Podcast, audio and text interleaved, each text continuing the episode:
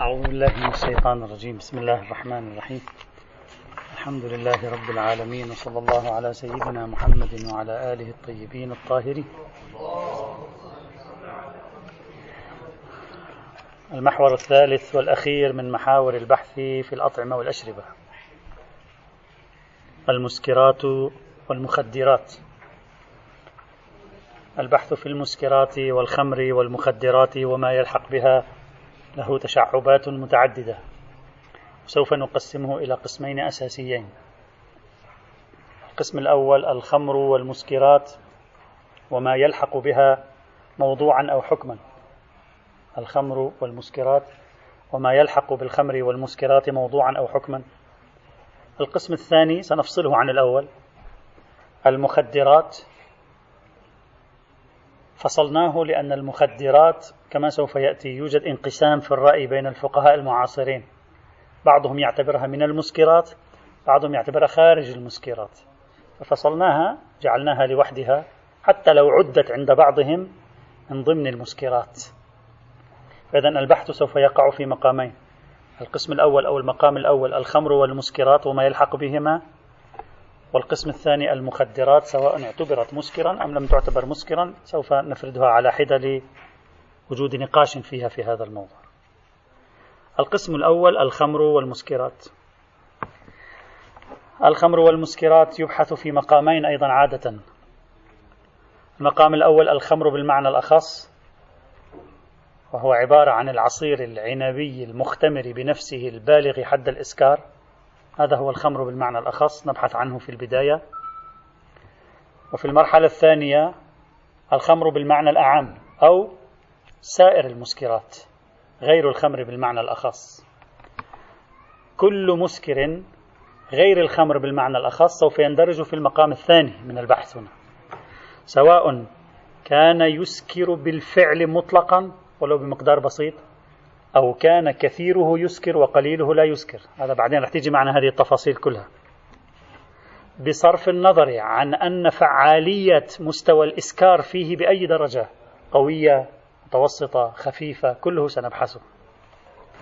وبصرف النظر عن أن قوة الإسكار التي فيه من أي سبب أتت هل أتت بسبب تخميره بسبب وضعه على النار بسبب عامل إضافي بسبب نوعية المواد الكيميائية التي قد تضاف إليه أو تكون فيه لا يهمنا. المهم أن فيه طاقة الإسكار في الجملة ولو بكثرته. هذا هو المراد. وسنبحث أيضا في هذا الموضوع ما يتعلق بالنبيذ بأنواعه وهو معركة كبيرة وقعت في القرن الثاني الهجري واستمرت قرون ما بين بعض الأحناف وغير الأحناف. بعض الأحناف قالوا كل ما ليس بخمر بالمعنى الأخص فهو حلال إلا إذا أسكر فحالة الإسكار يعني إلا إذا أسكر بالفعل. إلا إذا أسكر بالفعل. يعني أي مادة كحولية مسكرة ليست خمرا عنبيا معتقا بنفسه؟ إذا شربتها لا بأس. إذا سكرت منها لا يجوز. إذا سكرت منها لا يجوز. وهذا طبعا موضوع تم الجدل فيه عدة قرون في القرن الثاني الهجري وما بعد ثم بعد ذلك تقريبا انهمد وقل ثم عاد في القرن العشرين هذا النقاش مرة ثانية. طبعا هذا في الوسط السني. ثم عاد هذا النقاش في القرن العشرين بين بعض من حاول أن يحلل الخمر بهذا المعنى يعني النبيذ ومن أراد أن يحرمه. عندما نقول النبيذ هنا لا نقصد النبيذ بالمصطلح المعاصر اليوم. لأن مثلا نحن في اللغة العربية اليوم نقول كل هذه الخمور حتى الخمور العنبية نقول عنها نبيذ. لكن ليس هذا هو النبيذ. النبيذ معنى خاص وعبارة عن غير الخمر. بالمعنى الأخص هذا سنبحث المعركة هذه؟ وفي ضوء هذه المعركة ستتأصل قاعدة مهمة جدا أصلها جميع المذاهب باستثناء بعض الأحناف وهي ما أسكر كثيره فقليله حرام هنا هذه القاعدة تظهر بقوة لأنه إذا لم تثبت قاعدة ما أسكر كثيره فقليله حرام فقد يقال حينئذ بقول بعض الأحناف. هذه سنبحثها إن شاء الله تعالى. وسنبحث أيضا ما يتصل بالعصير العنبي عصير الزبيبي عصير التمر عصير الحصرم وسنبحث أيضا المواد المسكرة المستخرجة من النباتات ولو عبر التصنيع. هذه كلها سوف تكون ضمن هذا البحث إن شاء الله تعالى. مهم أن تكون حاملة للإسكار التقديري قوة الإسكار يعني من شأنها أن تسكر حسب طبيعتها. وكذلك هنا نبحث مسألة الفقاع أو ما يسمى أحيانا البيرة. هذه سوف هذه كلها تندرج ضمن غير الخمر بالمعنى الأخص إذا عندنا صار الخمر بالمعنى الأخص وعندنا كل ما هو غير خمر بالمعنى الأخص تارة نبحث الخمر بالمعنى الأخص وتارة غيره كما سوف نرى إن شاء الله تعالى. وأيضا سوف نبحث بعد ذلك العوارض التي تعرض المسكرات. يعني هناك مسكر تعرض عليه عوارض قد توجب تغير حكمه. من حيث الحلية نتكلم. مثلا انقلاب الخمر خلا. ما معنى هذا الكلام؟ بحيث الخمر صارت حلال بعد أن كانت حرام. انقلاب العصير العنبي خلا. ذهاب ثلثي العصير العنبي بالنار أو مطلقا. صيرورة العصير العنبي بسبب من الأسباب دبسا. دبس. شيرة. شيرة أنجور هذه كلها ستكون ضمن هذا البحث الطويل الذي سوف يعني نجتمع عليه آه، فترة إن شاء الله تعالى. إذا خارطة البحث في موضوع هذا المحور الثالث تنقسم إلى قسمين. الخمر والمسكرات المخدرات. في الخمر والمسكرات تنقسم إلى قسمين.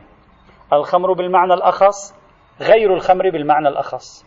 بعد ذلك عوارض العوارض التي تعرض على المسكر وبعض الملحقات الأخرى. هذه هي خارطة البحث في هذا الموضوع الأخير من بحث الأطعمة والأشربة إن شاء الله تعالى. لكن قبل أن نشرع اليوم نريد أن نتوقف عند عنوان التراث الإسلامي والتصنيف المستقل حول الخمر والمسكرات.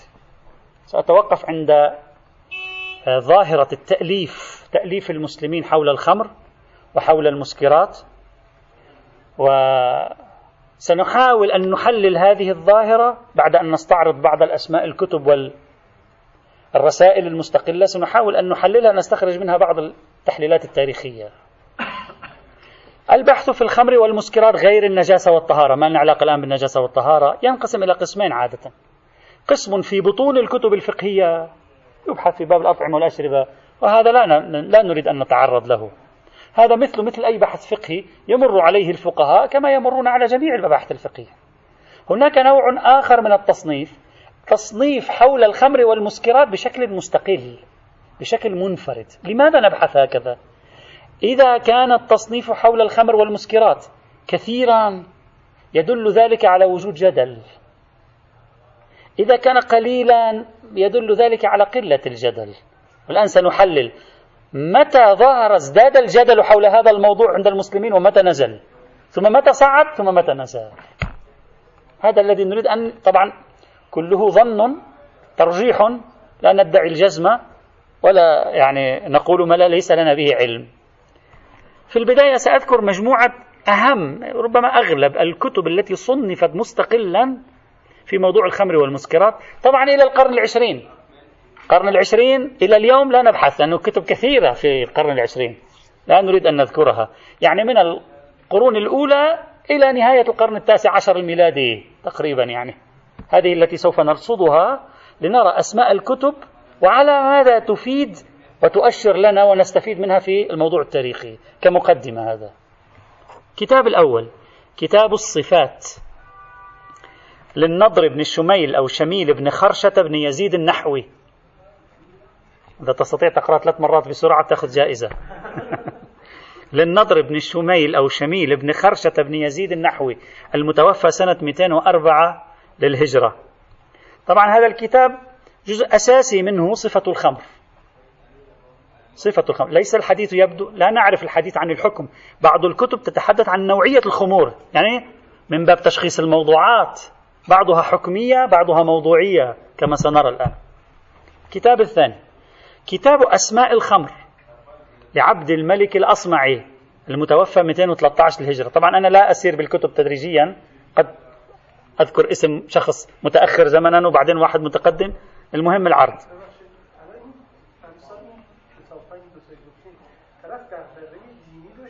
لا لا الآن سنحلل. نعم بعد أن نعرض الأسماء سنحلل. سنرى الأطباء اهتموا بالموضوع والصيادلة. علماء الأدب اهتموا بالموضوع. علماء اللغة والأدب اهتموا بالموضوع. الندماء يعني أصحاب الشراب اهتموا هم أيضا بالموضوع. الفقهاء اهتموا أيضا بالموضوع. يعني هذا الذي نريد أن نحلله أن هذا الموضوع كان هناك اهتمام من عدة جهات في الأمة كل من زاويته. وسنرى بعضهم سيدافع عن الخمر وبعضهم سوف ينتقد الخمر. الآن سنرى. كتاب أسماء الخمر لعبد الملك الأصمعي المتوفى 213 للهجرة. الكتاب الثالث. أسماء الخمر وعصيرها. للقاسم بن محمد بن رمضان العجلاني. قاسم بن محمد بن رمضان العجلاني. وهذا من علماء النحو. من علماء النحو كان. الكتاب الرابع. كتاب تحريم الخمر. لا ما ذكرته هنا ما أدري نسيت. كتاب تحريم الخمر لمحمد بن إدريس الشافعي. الإمام الشافعي إمام الشافعية. لاحظ الشافعي يؤلف كتابا في تحريم الخمر. لماذا؟ سنرى. لأن هناك معركة بين الشافعية والأحناف حول الخمر. فيؤلف كتابا لكي يحسم النزاع لمصلحة الشافعية. وسنرى أن القرن الثاني إلى الخامس في معركة طاحنة كانت حول هذا الموضوع. الكتاب الخامس تعليم الأمر تعليم الأمر في تحريم الخمر. لأحمد بن سليمان بن كمال باشا الحنفي متوفى 940 هجري. الاسم ماذا يعطيك؟ عثمانية. هذا يعني أن سنرى بعد قليل أن في الزمن العثماني أيضا صار ضجة حول الخمر. في العصر العثماني أيضا صار نقاش وجدل حول قضية الخمر وبدأ هناك من يتكلم في أمره وإلى آخره. وهذا يؤكد أنه هناك مصنفات مستقلة حول بس يكون في مصنفات مستقلة معناها الموضوع مهم. تكتب فيه مقالات ورسائل خاصة. أما لو لم يكن مهما يبحثونه في داخل الموسوعات الفقهية؟ مثل ما يبحثون أي موضوع غير مهم أحيانا. ليس ابتلائيا قليل الابتلاء يبحثون أيضا. هذه القيمة. طبعا هذا المؤلف نسب له كتاب آخر اسمه تعظيم الأمر في تحريم الخمر. لعله نفس الكتاب بالمناسبة. ربما يكون كتابين ربما كتاب واحد. سادس. حلبة الكميت في الأدب والنوادر المتعلقة بالخمريات. هذا أدب. الخمريات أدب الخمريات أحد أنواع الأدب العربي. هم في العصر العباسي هم في العصر الأموي وبعد ذلك أيضا. هذا مبين واضح أنه يسير على نوع من الأدب. شمس مؤلفه شمس الدين محمد بن الحسن النواجي متوفى 859 للهجرة. هذا الكتاب صاحبه كان قد سماه في الأول غير هذا الاسم سماه الحبور والسرور في وصف الخمور. قامت الدنيا عليه غير اسم الكتاب. هكذا يذكرون. يعني الباحثون الذين يذكرون القصة التاريخية لكتابه هكذا يذكرون. يقولون كان مؤلف كتابه هكذا. الحبور والسرور في وصف الخمور. هذا متحمس للخمر على ما يبدو. فظهر قامت الدنيا عليه في تلك الفترة. يقولون هكذا. يقولون أنكروا عليه وتسبب ذلك الأمر عليه بمحنة. هذه عباراتهم. يعني صار محنة عليه.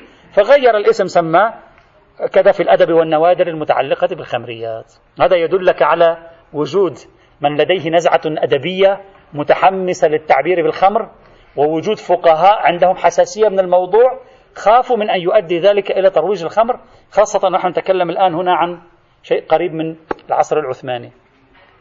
الكتاب السابع خماسية الراح خماسية الراح في ذم الخمر. بعضهم وضع اسم الكتاب هكذا حماسة الراح والظاهر أن الصحيح اسم الكتاب خماسية الراح في ذم الخمر. مؤلفه أبو العلاء المعري الشاعر العربي المشهور في العصر العباسي والمتوفى سنة 449 للهجرة. معروف في عداد فلاسفة الشعراء. ويبدو عليه أنه ضد الخمر والمتوقع أن يكون مع الخمر لأن من يعرف أبا العلاء المعري يتوقع أن يكون أبا العلاء المعري مع الخمر ولكن الناقلين ينقلون أن عنده كتاب في ذم الخمر. وهو معروف ربما الراح هذه الراح هذه الراح ربما ربما يكون خمسة يعني لا أدري. يعني ما يلقط لا أدري ماذا يقصد. ثامنا رسالة الذكرى في الخمر لأبي نصر محمد الشهير بمير صدر الدين الشيرازي. هذا غير صدر الدين الشيرازي هذا أبو نصر محمد مشهور بمير صدر الدين الشيرازي قيل ألفه سنة 941 للهجرة. وبعضهم قال لا ألفه قبل ذلك. أصلا هذا خطأ. أصلا هو توفي 904 للهجرة. يعني هو تقريبا في الجيل ما قبل صدر المتألهين مباشرة أو جيل أو جيلين قبله. كتاب التاسع رسالة في حد الخمر لأحمد بن سليمان بن كمال باشا 940 هذا نفسه اللي عنده كان رسالة في العصر العثماني. يبدو هذا كان نازل بثقله تعرفون أن الدولة العثمانية في عصور بعض السلاطين العثمانية مثل السلطان مراد الرابع. السلطان مراد الرابع أصدر فرمان في الدولة العثمانية بإغلاق المقاهي. إغلاق المقاهي التي فيها خمور وقهوة وكل أشكال المقاهي المقاهي. أغلقها وصارت فتنة عظيمة في الدولة العثمانية وأعدم أشخاصا كثيرين واستمرت فترة طويلة إلى أن رجعهم رجعوها. هذا معروف في التاريخ يعني في فترة الدولة العثمانية صار في مشاكل كثيرة متعلقة بهذه قضية المشروبات والمأكولات. موضوع القهوة هم معروف أيضا بعدين سوف نشير إليه. كتاب عاشر صورة التقدير وربما يكون اسمه كيفية التدبير وربما يكون اسمه ضرورة التقدير في تقويم الخمر والخنزير. هذا الخمر والخنزير مع بعض. للشيخ تقي الدين علي بن عبد الكافي السبكي المتوفى 756 للهجرة. هذا من فقهاء. كتاب آخر حادي عشر. كتاب الخمر وشربها والسكر منها. نسبوا هذا الكتاب لأرسطو. بعض كتاب المعاجم والمؤلفات والفهارس نسبوا هذا الكتاب لأرسطو. قالوا فيه 22 مسألة. أكيد ليس في الفقه هذا. أكيد ما يتعلق بالطب أو الصيدلة أو ربما يتعلق بشيء آخر. كتاب ثاني عشر. ما ورد من تغليظ الأمر على شربة الخمر. يعني الذين يشربون الخمر للقاسم بن محمد القرطبي متوفى 643 للهجرة. ويعرف هذا الشخص باسم ابن الطيلسان. بعدين عندما سنتكلم عن المخدرات سنرى أن المخدرات انتشرت في العالم الإسلامي بعد غزو التتار بعد سقوط الدولة العباسية. في نفس هذه الفترة هذه الفترة كانت الفترة القرن السابع الهجري انتشار أشكال وأنواع من المخدرات وال والمسلمين بعد انهزموا يئسوا من الحياة. قسم منهم ذهب إلى يشرب ويشم حتى ينسى ويذهب إلى العالم العلوي الخاص به. نعم. وازداد التصوف في تلك الفترة حسب ما يقول المؤرخون. اعتزل الناس. المتدينون ذهبوا إلى أماكن العزلة وعاشوا في أماكن الخلوة لأنه خلاص فشلت الدولة الإسلامية كلها انهارت الخلافة العباسية وفتك التتار بالمسلمين فشعروا أن خلاص هذه نهاية الزمان بعد. آخر الزمان هذا يعني ما في شيء آخر. فيئسوا فلاحظ في هذه الفترة أحيانا تجد مصنفات وإشارات وفتاوى كما سوف نذكر تشير إلى موضوع مواد جديدة ظهرت ربما أتوا بها التتار أتوا بها من بلدانهم كانت متعارفة عندهم. الكتاب الثالث عشر. رسالة في حرمة الخمر على مذهب اليهود والشرائع السابقة. اسم هذه الرسالة حجة الأبرار على فرقة الأشرار. للميرزا أبي القاسم الزنجاني الطهراني المتوفى 1292 للهجرة. رابع عشر. إكرام من يعيش بتحريم الخمر والحشيش. الذي يحرم الخمر والحشيش نكرمه. من يعيش على تحريم الخمر والحشيش يستحق الإكرام. لشهاب الدين أحمد بن عماد الدين عماد الأقفه الشافعي متوفى 808 للهجرة. كتاب خامس عشر. إلقاء الجمر على من يشرب الخمر. هذا نوع من العقوبة الجديدة. تضع عليه جمر لمن يشرب الخمر. لعبد العزيز بن يوسف بن عبد الغفار بن وجيه السنباطي القاهري الشافعي توفى 879 للهجرة. 16 تهويل الأمر على شارب الخمر. تهويل الأمر على شارب الخمر. للشيخ محمد بن إبراهيم بن محمد الدمشقي الحنفي المعروف بالدكدكجي. 1121 حنفي. دكدكجي عثمانية يعني. هم حنفي. الدكدكجي بعد تعبير هذا من العثماني تركي. فإذا نعرف أننا نتكلم هنا عن شخص كتب في فضاء الدولة العثمانية وهموم الدولة العثمانية. سابع عشر. حقيقة الأمر في تحريم البيرة والتداوي بما فيه الخمر. لابن غروز محمد بن مكي التونسي. ثامن عشر. حوض هذا هذا إذا تقرأه ثلاث مرات تأخذ جائزة. حوض الخمر وخوض الجمر. ثلاث مرات بسرعة إذا تقرأه تأخذ جائزة. أكيد الجائزة ليست خمر أكيد. أنه هذا لا أدري هو يمدح أو لا يمدح لا لا يمدح. للسيد عبد الله النديم المتوفى 1314 للهجرة. 19 رد الفضول في مسألة الخمر والكحول. مؤيد بن محمد مؤيد باشا الدمشقي انتهى من تأليف الرسالة 1319 هجري. 20 الكشف في مساوي الخمر. أبو القاسم علي بن جعفر بن علي بن محمد القطاع السعدي المعروف بابن الصقلي اللغوي. توفى 515 للهجرة 21 ما ورد في تحريم الخمر والأمر بالمعروف والنهي عن المنكر لصالح بن محمد التونسي المالكي. 1218 للهجرة 22 هذا لطيف هذا العنوان. مقالة في أنه لما جعل الخمر قربان وأصله محرم. الآن عندما ترى من هو المؤلف ستلتفت.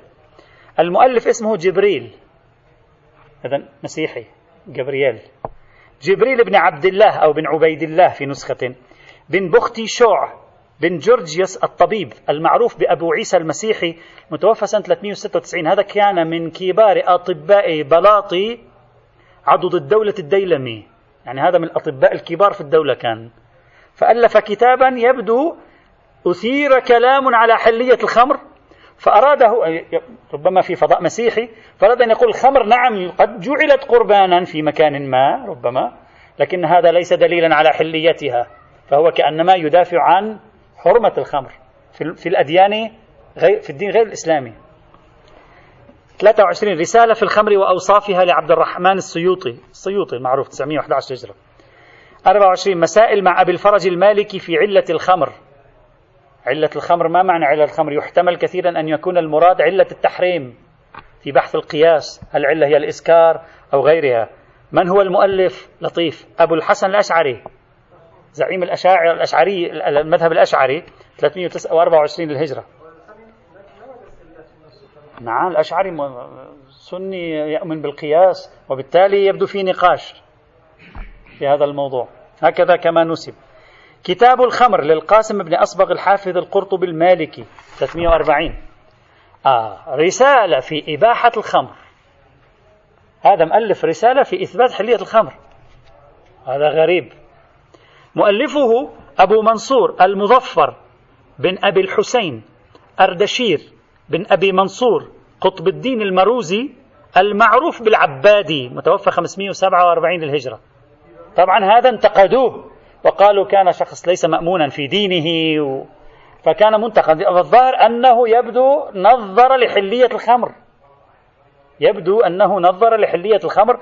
الآن هذه الرسالة هل هي عثروا عليها لم يعثروا عليها مطبوعة غير مطبوعة؟ لا ندري. ما هي تقريباته للموضوع؟ لا أعرف. الكتاب السابع والعشرين. أنيس الطلاب لمحمد جعفر بن محمد علي بن محمد باقر البهبهاني 1254 طبعا عنده بحث هو بحث حول حرمة الخمر والعصير وإلى آخره. يعني 28 تحريم الخمر في الإسلام للسيد أحمد بن السيد محمد إبراهيم النقوي. هذا متوفى في القرن العشرين ذكرته فقط لأهم شهرتها. 29 هذا أيضا يلفت النظر. جهنماي عباسي. هذا الكتاب للميرزا قاضي بن كاشف الدين محمد الأردكاني اليزدي. هذا تلميذ الشيخ البهائي. الكتاب مؤلف من ثلاثين فصل. أحوال الخمر وكيفيات الخمر وأوصاف الخمر إلى آخره. وهذا يعني أن الكتاب كأنما يعني يهتم لأمر الخمر. ولذلك ذكروا وهم يشرحون حال هذا الكتاب قالوا أن مؤلف هذا الكتاب قال بأنني كتبت هذا الكتاب بإجبار من الشاه عباس الذي مات عام 1038 للهجرة. يعني أجبرني الشاه الصفوي أن أكتب هذا الكتاب. طبعا من هو مؤلف الكتاب؟ هو صاحب التحفة الرضوية. صاحب كتاب التحفة الرضوية هو نفسه مؤلف الكتاب. فقل أنا كتبت هذا الكتاب؟ يعني هو أنا غير راض عن الكتاب. ترى أنا هذا كتبته إجبارا. أجبرني الشاه الصفوي على أن أكتب هذا الكتاب. ما القصة؟ هذا فيه على اتحاد هذا أيضا يلفت النظر. ثلاثين الخمر وأحكامه. محمد أمين الإسترأبادي زعيم الإخبارية توفى 1036 أيضا كتاب آخر الخمر وأحكامه للشيخ صالح بن عبد الكريم الكوزكاني البحراني 1098 للهجرة. عنده كتاب آخر اسمه مطلع العادات في تحريم الخمر والمسكرات لعله نفس الكتاب ربما كتاب آخر. 32 الخمر ومضراته للشيخ الرئيس أبو علي بن سينا 427 للهجرة. كتاب ثالث الخمرية مثنوي هذا شعر في الطعن على شاربي الخمور للشيخ إسماعيل التائب التبريزي متوفى في القرن الرابع عشر الهجري. أيضا 34 كتاب الخمرية فارسي في أحكام الخمر للشيخ محمد علي الهمداني الحائري ولد سنة 1293 للهجرة. أيضا كتاب الخمرية للمولى محمد علي بن مهدي الكاشاني 1325 للهجرة. 36 رسالة في حرمة شرب الخمر بالفارسية للحسين بن جمال الدين الخنساري. يعني جاء حسين بن جمال الدين الخنساري المعروف يؤلف رسالة في حرمة الخمر. شو ما الضرورة لتأليف رسالة في حرمة الخمر؟ غير أن يكون في جدل كان حتى على ما يبدو في العصر الصفوي. تيارات يبدو طرحت شيئا ما. ربما يكون شيء صوفي عند بعض المتصوفة لا ندري. 1099 هجرية. لا لا الحسين بن جمال الدين الخنساري. لا ليس الجمال. 37 كتاب اسمه ساحل نجاة كل شيء وارد أيضا. كتاب ساحل نجاة في مضرات الخمر والترياك. آه دخل الترياك على الخط. للشيخ ذبيح الله المحلاتي صاحب كتاب تاريخ سامراء. وربما يكون هو نفسه كتابه المسمى بكشف العثار في مفاسد الخمر والموسيقى والترياك. 38 قربنا ننتهي. لا أدري هذا الكتاب كيف يقرأ اسمه بحثت عنه لم أجد شيئا. اسمه شيطان بطرة بطري لا أدري. في مفاسد الخمر ومضارها. كتاب فارسي لا أدري كيف هذا. لعطاء الله شهابور. يوجد شخص معاصر اسمه عطاء الله شهابور. دكتورة ليس هو. هذا قديم. لا أدري ما لم راجعت لم أستطيع يعني على العجلة لم أعرف ماذا يقصد. طاء طاء. ليس البترية ليس البترية. آه. ها. 39 قطب السرور في أوصاف الخمور. قطب السرور في أوصاف الخمور. لأحمد بن القاسم المعروف بالرفيق النديم. 357 للهجرة. هذا كتاب موجود مطبوع يعني. 40 كتاب في تحريم الفقاع للشيخ محمد بن علي الشيخ الصدوق. 381 للهجرة. كتاب جواب أهل جرجان في تحريم الفقاع. الشيخ المفيد. شوف موضوع تحريم الفقاع. كان واضح جدا في القرن الرابع والخامس نقاش سني شيعي. لذلك ألف علماء الإمامية عدة كتب في رسائل في تحريم الفقاع مستقلة أيضا 42 كتاب الارتياع في تحريم الفقاع. ابن الجنيد. أيضا مسألة في تحريم الفقاع شيخ الطوسي. رسالة مؤلف في تحريم الفقاع. أيضا مسألة في تحريم الفقاع لابن زهرة الحلبي. 45 رسالة في الفقاع ومضاره لابن بندويه الطبيب الإصفهاني متوفى عام 440 للهجرة. 46 كتاب مدح النبيذ. آه. مدح النبيذ لعلي بن عبيدة الريحاني. هذا شخص كان قريب جدا من المأمون متهم بالزندقة. هكذا يقولون. اتهم بالزندقة. ابن النديم في فهرسته قال اسم هذا الكتاب مدح النديم وليس مدح النبيذ. الله العالم. 47 رسالة مدح النبيذ وصفة أصحابه. الجاحظ المعتزلي عنده رسالة في مدح النبيذ وصفة أصحاب النبيذ يمدح النبيذ يقول مفيد. وهذه الرسالة مطبوعة الآن وموجودة في كتاب رسائل الجاحظ. موجودة مطبوعة طباعة دار الهلال في بيروت. موجود في رسالة في مدح النبي. والغريب أنه أيضا توجد للجاحظ رسالة أخرى في ذم النبيذ يجوز صار معاه مثل ما صار مع ذاك. يمكن قاموا عليه فرجع ألف رسالة في ذم النبيذ. لا ندري. شو؟ الرسالة في مدح النبيذ موجودة للجاحظ. ثم أيضا لديه رسالة أخرى في ذم النبيذ. 49 ما قبل الأخير رسالة في النبيذ لابن مندويه الطبيب أيضا. والكتاب الأخير أو الرسالة الأخيرة الرسالة المنقذة من الجمرة أو الجمرة في إلحاق الأنبثة بالخمرة. لمحمود بن عبيد الله الزنجاني الشافعي المتوفى 674 بالهجرة سيوهشت؟ شيطان بطرة بطري لا, لا فارسي الكتاب. لا أدري. هذه ينقلها صاحب الذريعة. لا أدري. هذه المصنفات يمكن أن نلاحظ عدة استنتاجات من مراجعة هذه المصنفات. أولا شارك في التصنيف حول الخمر في التاريخ الإسلامي الفقهاء. المحدثون الأطباء أهل اللغة والنحو. ثانيا يبدو أن وتيرة التصنيف حول الخمر ما بين سنة 200 إلى سنة 500 كانت عالية.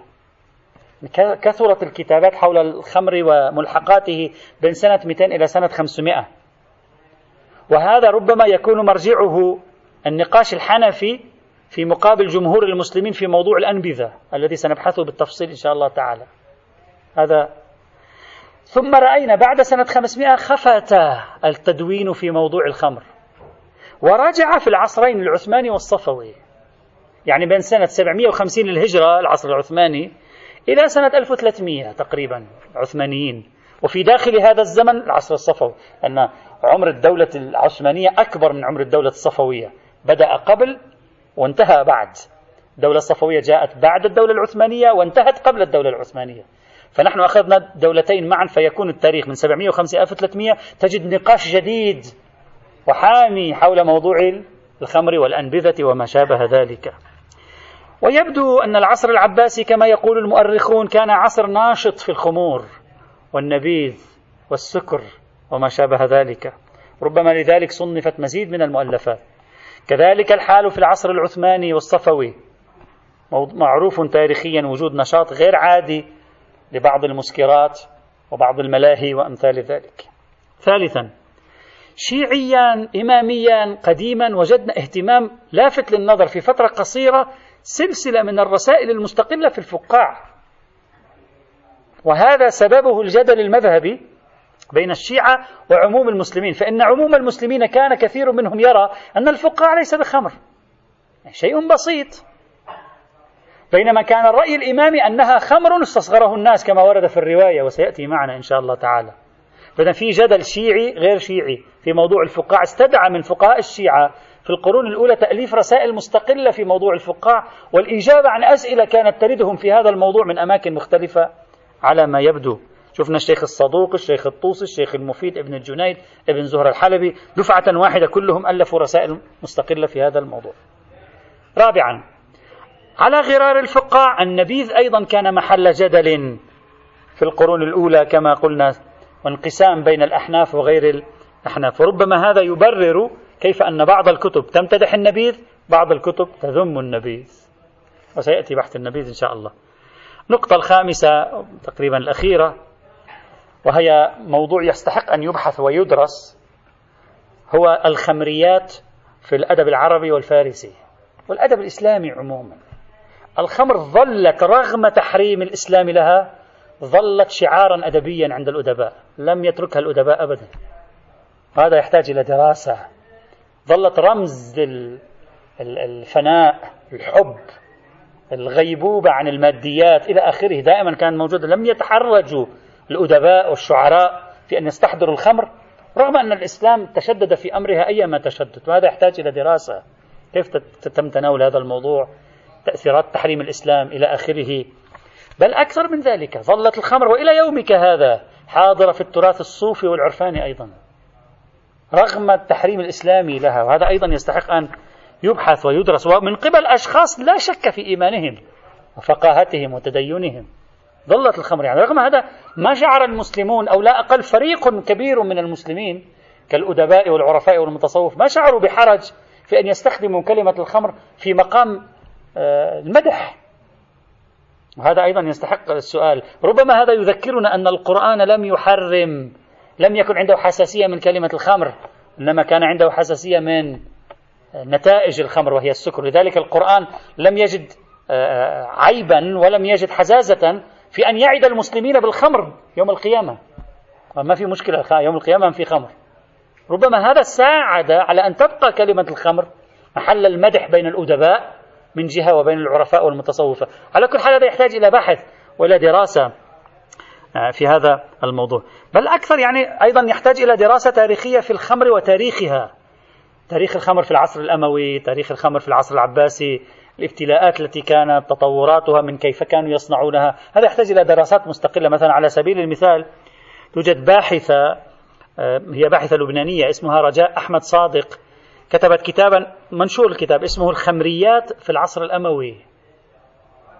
فدراسة الخمر سواء على مستوى اللغة والأدب أو على مستوى واقعها التاريخي في حقبات المسلمين أيضا هذا نافع ومفيد يمكن أن يسهل الطريق في هذا الموضوع. هذه كانت كلها مجرد مقدمة لنعرف أن موضوع الخمر حظي باهتمام كبير في التصنيفات المستقلة وغير المستقلة وشهد جدلا في غير مكان من التاريخ الإسلامي.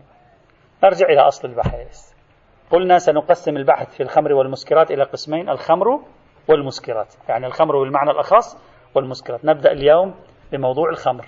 أقصد الآن من الخمر العصير العنبي المختمر بنفسه البالغ حد الإسكار. هذا هو الخمر بالمعنى الأخص. لا غير عنبي ولا المختمر بفعل النار ولا الذي لم يبلغ حد الإسكار. لا لازم يكون بلغ حد الإسكار. لوحده لوحده. لا, لا أنت تضعه تضعه داخل الأرض تضعه في في جرة ثم تتركه لوحده بفعل الزمن يتأكسد وتحدث عليه تحولات كيميائية يتخمر بنفسه. مقابل تضعه على النار فممكن أن يحدث فيه أيضا إسكار. هذه سوف يأتي التفصيل ما بين بنفسه المقدار المتيقن المعروف بنفسه. لذلك الآن مثلا إذا تشتري خمر الخمر الأهم هو الخمر الذي عمره مثلا مئة سنة. ففي لبنان معروفة بعض الجبال بعض المناطق اللبنانية كسروان مناطق الفتوح مناطق جبل لبنان معروفة بأنها عندها يعني خزانات الخمور. التي ترجع إلى 300 سنة. قد تجد خمر الآن عتق قبل 200 سنة. نعم 100 سنة و150 سنة و200 سنة وهذا يكون له قيمة أكبر و... و... وله خصوصية. هكذا معروف في الخمر. فالعنصر الذاتي في الاختمار عنصر مهم بالنسبة إلى موضوع الخمر مفهوم الخمر. نعم. طيب الآن نأتي إلى موضوع الخمر آه، بالمعنى الأخص. إذا تذكرون في بحث القرآن في البحث القرآني في الفصل الأول قلنا نتيجة البحث القرآني تحتمل احتمالين. أو عندنا خلينا نفترض نتيجتين محتملتين. النتيجة الأولى أن القرآن الكريم حكم بحرمة شراب العنب مطلقا. شراب العنب المخصوص يعني المختمر. مطلقا. قليلا كثيرا سكرت لم تسكر هذا حرام. وحكم بحرمة السكر. الفعلي فتكون النتيجة هكذا. إذا عندي مادة من الخمر بالمعنى الأخص ومادة أخرى من سائر المسكرات. فماذا يكون القرآن قد حرم؟ القرآن فقط نتكلم الآن. القرآن حرم هذه مطلقا ولو قطرة وهذه لم يحرم شربها إلا إذا أسكرت. فإذا شربتها فسكرت فهذا حرام. أما إذا شربتها لم تسكر ليس بحرام. ولو كانت هي مسكرة. ولو كانت هي مسكرة لكن شربتها مقدارا لم تسكر. لم يدل النص القرآني على حرمة هذا. هذا يحتاج إلى نص السنة. سنرى فيما بعد كيف ستثبت السنة الشريفة هذا الموضوع. هذا كان احتمال الأول إذا تذكرون. بناء على هذه النتيجة الخمر بالمعنى الأخص حرام مطلقا. أما الخمر بالمعنى الأعام فليس بحرام مطلقا. فنحتاج إلى السنة كي تساعدنا على توسعة دلالة الآيات لتشمل حتى القطرة الواحدة من مطلق المسكر. وهنا هي المعركة الأساسية بين الأحناف وسائر المسلمين. بعض الأحناف عفوا بعض الأحناف سابقا وسائر الأحناف الآن كثير منهم يقولون بالحرمة سابقا نتكلم. هنا المعركة الأساسية. في غير الخمر العنبي لو كان مسكرا وشربت منه دون أن تحقق السكر الفعلي. هذا النتيجة الأولى المحتملة أن النص القرآن لم يحرمه. نحتاج إلى نص السنة الشريفة. الأحناف قالوا القرآن لم يحرمه.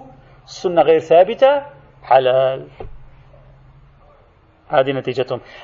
سائر المسلمين قالوا القرآن لم يحرمه سلمنا لكن السنة فيه متواترة وسنرى. أحاديث موجودة عند الشيعة السنة مختلف المصادر الحديثية فيما أسكر كثيره فقليله حرام. هذه كانت النتيجة الأولى المحتملة. النتيجة الثانية المحتملة. أن نقول القرآن لم يحرم أي مسكر على الإطلاق بما فيه الخمر. هذا بحثناه سابقا. لم يحرم شيء. القرآن بقرينة التعليل في الآية الثانية حرم السكر فقط. هذا هو الذي حرمه القرآن. أما ذات الشيء ذات المشروب لم يحرمه. حرم السكر بحيث بحيث لو أنك أتيت بمادة ضربتها في عضلك بحيث أدت إلى السكر حرام. ولو شربت خمرا برطل ولم تسكر ليس بحرام. هذه النتيجة. يعني نظر الأولا وبالذات النظر إلى السكر هو المرفوض. ليس النظر إلى المسكر. هنا نحتاج إلى السنة أكثر. لأن السنة عليها أن تثبت لنا أن مطلق المسكر بما فيه الخمر بالمعنى الأخص حرام مطلقا ولو لم تسكر منه بالفعل. لكن المهم أن يكون فيه هو قوة الإسكار بحيث يصدق عليه أنه مسكر. هذا الاحتمال الثاني الذي ذكرناه سابقا. ولذلك قلنا هناك قلنا يوجد احتمال أن القرآن لما حرم الخمر بقرينة التعليل في الآية الأخرى كان ناظرا إلى طريقة تناولهم هم للخمر. المعروف تناولهم للخمر يعني هذه جلسات الخمور التي يسكرون بها ويطربون ويغيبون عن وعيهم وما شابه ذلك. ما كانت الخمور مثل عند العرب مثل ما هي اليوم يضعونها في الأماكن ال باکلاس ويشربون قليلا وهذا ما يعرف العرب شيء من هذا. عرب كان مجالس الخمارات التي يجلسون فيها ويسكرون. فلما حرم الخمر نظر إلى هذه الحالة. شبه ما قاله الفيض الكاشاني في موضوع الغناء إذا تذكرون شبهنا. هذه القضية في مثل هذه الحالة طيب ما الفرق الجوهري بين هاتين النتيجتين المحتملتين حتى الآن؟ الفرق الجوهري أنك على النتيجة الأولى تقول الخمر بالمعنى الأخص بذاتها حرام بملاك السكر. يعني الملاك الثبوتي هو السكر لكن المحرم الواقعي هو ذات الخمر. بينما على النتيجة الثانية الحرام هو السكر في نفسه. السكر يعني المحرم السكر لا المشروب. وإنما يحرم تناول المشروب من باب حرمة أن توقع نفسك في السكر حينئذ. الفرق بين ال... واليوم يوجد أشخاص كما سوف نرى بعدين سنتعرض لبعض الذين يطرحون اليوم بعض الأفكار. اليوم يوجد أشخاص ومنهم بعض القرآنيين مثلا يقولون ليس حرام الخمر. الحرام أن تكون أن تسكر فقط شرب الخمر في المجالس العامة مقدار بسيط لا بأس به. ينعش كما كما يتداول. بعضهم في الأوساط المسيحية هكذا يقول قليل من الخمر ينعش قلب الإنسان. أنا سنرى هذا من الذي ستعطينا إياه الأدلة في مثل هذا المقام؟ بعد از لحاظ علمی من خوندم نشود فایده برای قلب داره. اون بعد گفتن چون برای کبد ضرر داره ضررش بیشتر از منفعت ممکن ممکن. فإذا هذا هذه النتيجتين إذا المحتملتين وكل واحدة لها تأثيرها الخاص ولها طريقة فهمها الخاص آه، في مثل هذا آه، الموضوع. الأولى تحرم العين، الثانية لا تحرم عين، تحرم حالة اسمها السكر. العين لم تعد محرمة، والثانية تنسجم أكثر مع آيات الحصر في القرآن كما قلنا. لماذا؟ لأن آيات الحصر تقول ليس المحرم إلا هذه الأربعة، الميتة والدم ولحم الخنزير. إذا الخمر ليست محرمة بما هي خمر، المحرم هو السكر وعندما يحرم ذات الخمر ليس إلا تحريما طريقيا لا بعنوانه الذاتي وإنما هو فقط لتجنب حالة زوال العقل عند الإنسان. فالشريعة تسد أبواب الوصول إلى هذه الحالة المنبوذة فتحرم عليك ذات الشيء ولو بمقدار قليل وتقول لك حتى بمقدار قليل لا تفعل ذلك حتى لا تقع من حام حول الحمى أوشك أن يقع فيها. هذا في هذا المجال. الآن السؤال أي من هاتين النتيجتين يمكن أن الآن سوف نعطي الاستنتاج. أي من هاتين النتيجتين هو الأقرب لدلالة الآيات ومعطيات السنة؟ هذا بحثنا الآن هذا بحثنا. هذا كان خلاصة ما مر أي من هاتين النتيجتين هو الأقرب لدلالة الآيات القرآنية؟ وماذا تسعفنا السنة في جبر ما يعني في تغطية ما لم يغطه النص القرآني؟ في تغطية ما لم يغطه النص القرآني. يأتي إن شاء الله تعالى. ابن بعد. اللهم صل على محمد. معروفه که توصیه